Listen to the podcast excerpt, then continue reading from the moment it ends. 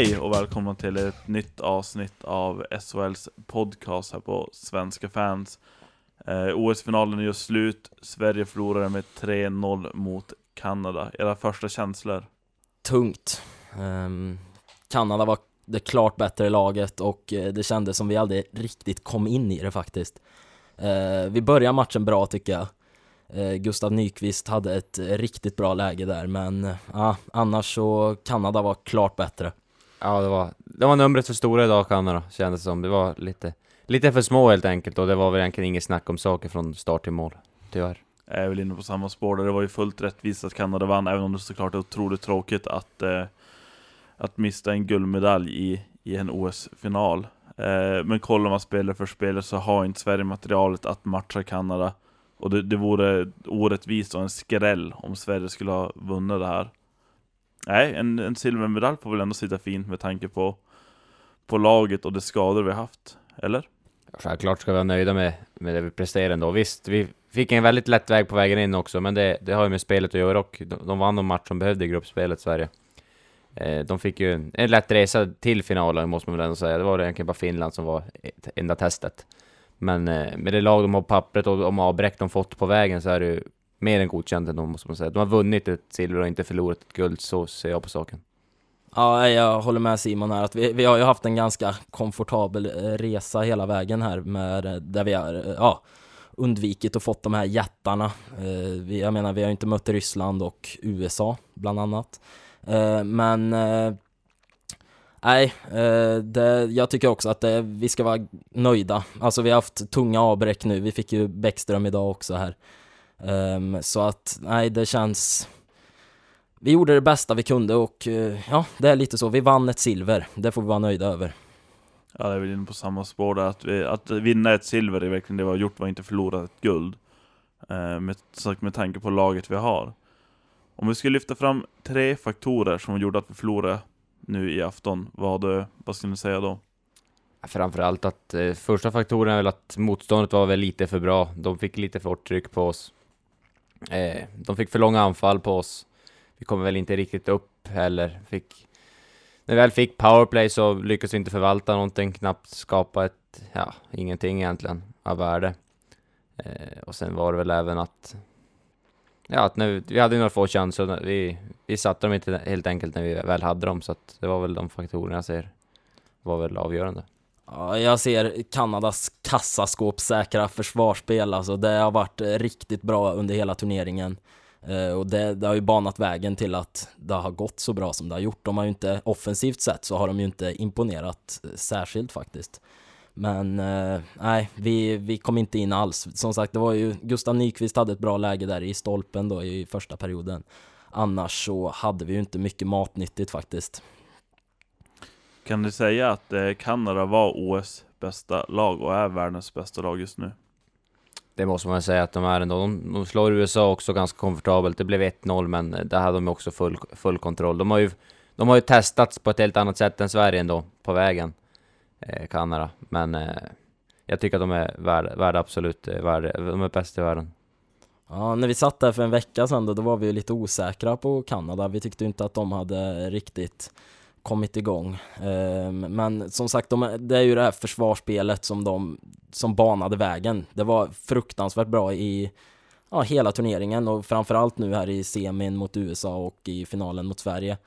Um, släpp, alltså håller man nollan i, i två sådana matcher då det lyser ju igenom. Det, är ju, det visar ju vilken klass de håller.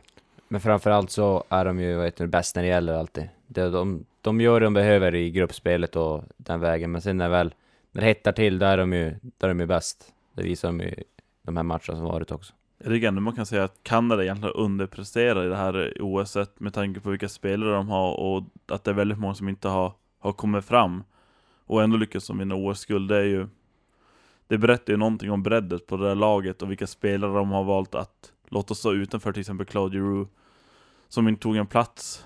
Eh, så att eh, Kanada har ju det absolut bredaste materialet att jobba med och är helt rättvist olympiska mästare.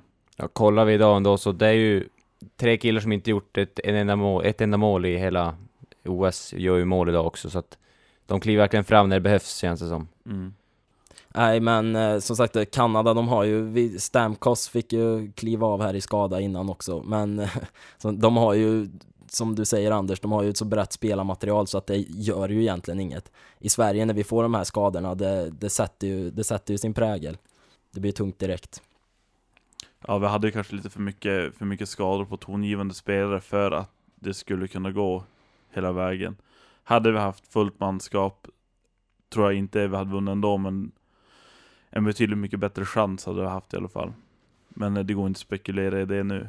Men om vi ska ta fram något positivt, vilka har utmärkts mest i, i det svenska laget? Positivt. Ja, det finns ganska många som jag tycker har varit riktigt bra måste jag säga, men framförallt har jag imponerats av Karl Hagelin, måste jag säga. Framförallt från eh, kvart, eh, kvarten och framåt. Eh, han har varit riktigt bra och han har eh, han, de har, han har varit i den där fjärde linen med, eh, mm, vad är det nu då, Jimmy Eriksson och Marcus Kryger där ja. Och jag tycker att de har skött sin uppgift exemplariskt faktiskt. Men eh, jag, även, jag tycker Niklas Kronvall här i semin mot Finland tyckte jag var outstanding. Fruktansvärt bra. Eh, vad har vi mer som vi vill lyfta fram? Ja, Daniel Alfredsson, som jag nämnde då förra avsnittet också. Jag tycker han har gjort en jätteturnering. Från början tänkte att han bara skulle spela powerplay, men i och med skadorna har han fått tagit en ganska stor roll där då i första kedjan eh, och har gjort det väldigt bra, gjort ett par mål också. Eh, precis, jag håller med. Karl Hagelin är, är väl den som jag tycker stick, stod ut mest. Som eh, Erik Karlsson och Henrik Lundqvist och de här, man förväntar sig att de ska vara. De är ju där de, man, man vill att de ska vara liksom, men som eh, Hagelin och jag tycker även Jimmy Eriksson måste man ju lyfta fram. Han eh, vis, man kan ju inte alls tro att han har spelat, att han spelar i SHL till vardags. Han eh, håller med, han håller måttet absolut. Eh, sen är väl även, måste man väl ge Kryger tycker jag, alltid nyttig. Eh, han, när han var i SHL förut så var det en poängproducerande kille, men han får en defensiv roll i Chicago. Han gör ju skitbra här i, i Sverige också. Får spela lite mer defensiv kedja och jag tycker att han, han, han är riktigt bra eh, krigare. Han får mer än godkänt i turneringen. Lite spännande att tänka på nu, för att förutom Erik Karlsson är det ingen som lyft fram någon av Sveriges backar. Tycker ni att eh, vi har underpresterat defensivt?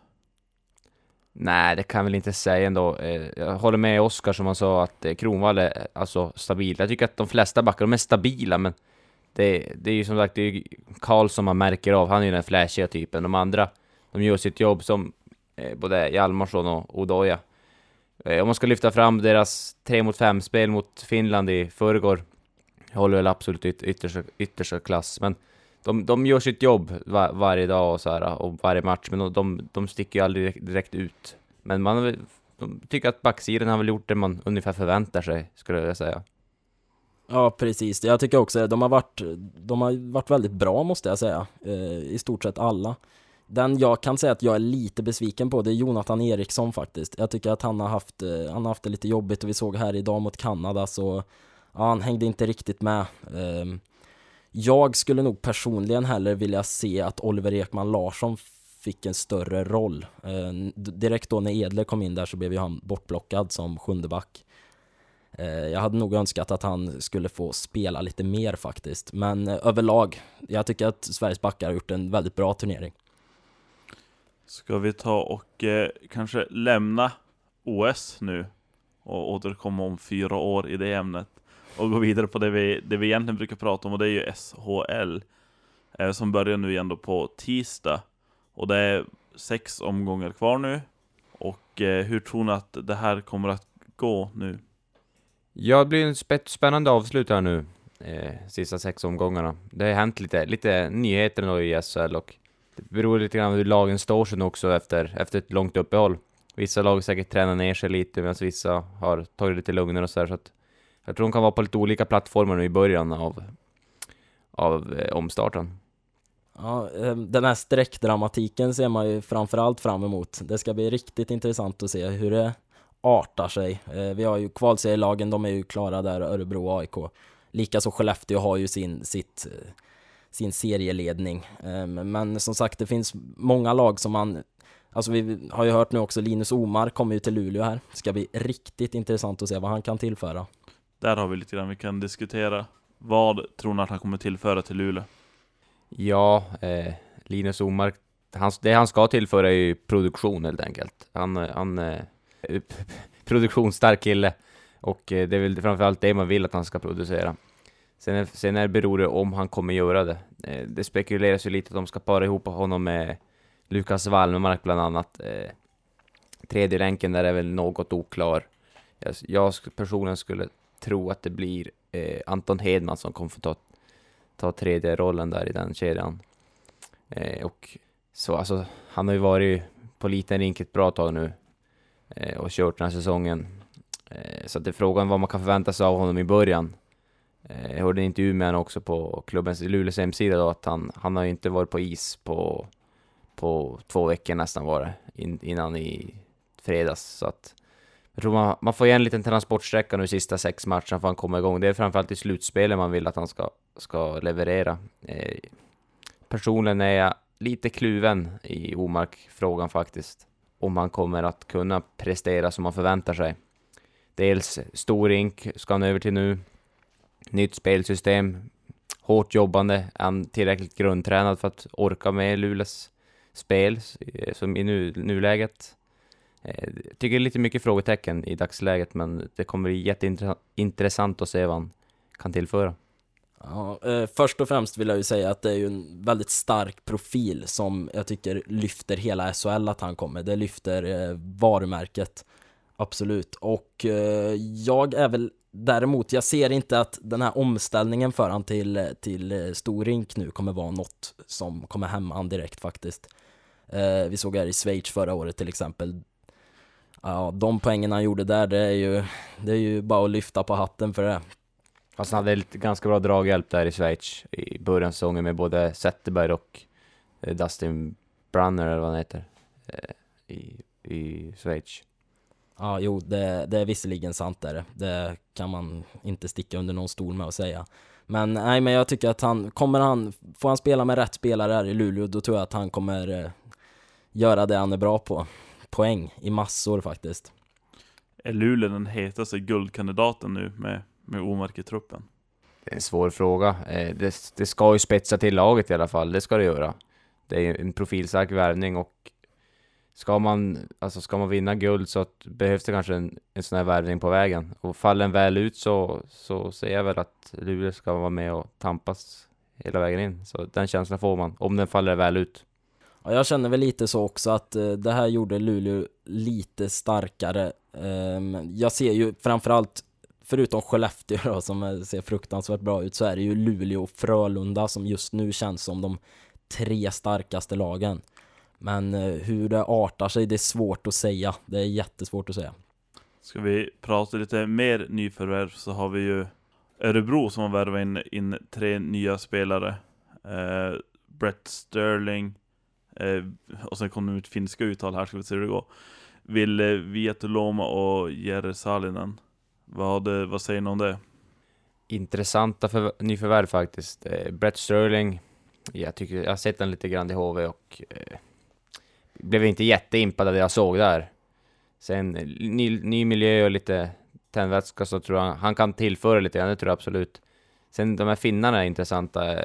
Eh, Ville Vittalom, han var i Luleå eh, i fjol, bland annat då. Eh, och det har jag väl inte så jätte... Jag har inte så mycket gott att säga om den, om den tjommen faktiskt. Eh, entaktad alltså, som bara den och... Alltså ganska skicklig, skickliga handledare liksom. Bra, bra blick för spelet men... Eh, I alla fall i Luleå var han väldigt, väldigt sävlig. Eh, inget tempo i kroppen alls nästan. Eh, däremot Sa Salinen har jag faktiskt aldrig sett, så att det kan bli spännande att se vad han kan tillföra. Ja, nej men det ska bli väldigt kul att se här. Jag tycker det är bra av Örebro att de satsar så här nu inför kvalserien. Um, en ekonomi som jag faktiskt inte visste fanns uh, har de ju visat den här säsongen. De har ju köpt in en hel del spelare. Um, de här finnarna har jag lite för dålig koll för att kunna yttra mig om. Det, men uh, vad Elite Prospect säger så ska, ska de ju ha gjort en hel del poäng i alla fall. Uh, Brett Sterling som sagt har varit i HV nu. Um, kanske inte riktigt imponerat på det sättet som man trodde, men eh, det är ju en kvick och flashig spelartyp som absolut kan gynna Örebro. Eh, ja, alltså, jag tänker så här att eh, nu när de har gjort de här tre förvärven, det är ganska mycket pengar. Örebro är en ganska, eller en klubb som har haft väldigt stark framfart. Kan det finnas någon risk att de försöker för mycket och att det har gått för fort för dem att komma upp i elitserien? Att det kanske blir en för dyr historia och det här kan bli ekonomiskt bak, bakslag. Det känns lite grann som att de, de, går, de går all in för att få behålla sin, sin existens i högsta ligan. Eh, den känslan får man ju lite grann. Lite grann som när HV, när de var panikvärvade in en tre, fyra namn där i, i, innan, innan jul eller vad det nu var. Eh, känns som att de, det är lite grann de, de chansar nu och eh, hoppas att nyförvärven faller väl ut här. Eh, det är väl den känslan man får. Eh, angående Vitt, Ville Vittalo, men där måste jag bara tillägga att det var två år sedan han var i Luleå faktiskt. Så att det var, det var fel av mig det för, förstnämnda. Men eh, Örebro, ja. Det känns som att de, de kommer, de chansar lite nu. Det är, det är allt eller inget för att få hålla sig kvar. Tror Ja. du att de lyckas? Jag tror det faktiskt. Jag tror att de kommer att eh, klara sig väl i en kvalserie. Ehm, Jag tycker ändå att de har de visar intentioner på att de är ett väldigt bra lag och har gjort det flera gånger under den här säsongen. Sen i det stora hela så har de inte räckt till då, men jag tror att i en kvalserie så kommer de att kunna lyfta sig och jag ser faktiskt ingen nerifrån som kommer som en riktigt tuff konkurrent faktiskt. Eh, alltså i Öre- Örebros fall så tycker jag de är, på pappret har de betydligt starkare lag än AIK. Eh, det, finns, det finns gott om kvalitet i laget, till exempel Antila är ju extremt sevärda att se på.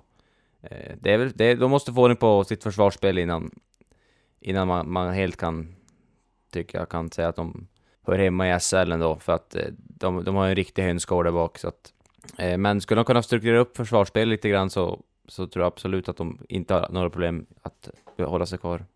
Nej, men eh, vi kanske ska ta avrunda dagens avsnitt med det där och gå och smälta det här OS-silvret. Hoppas att vi, att vi kan njuta av det kanske imorgon i alla fall. Så får vi ta och tacka för oss och höras igen nästa söndag. Ha det bra!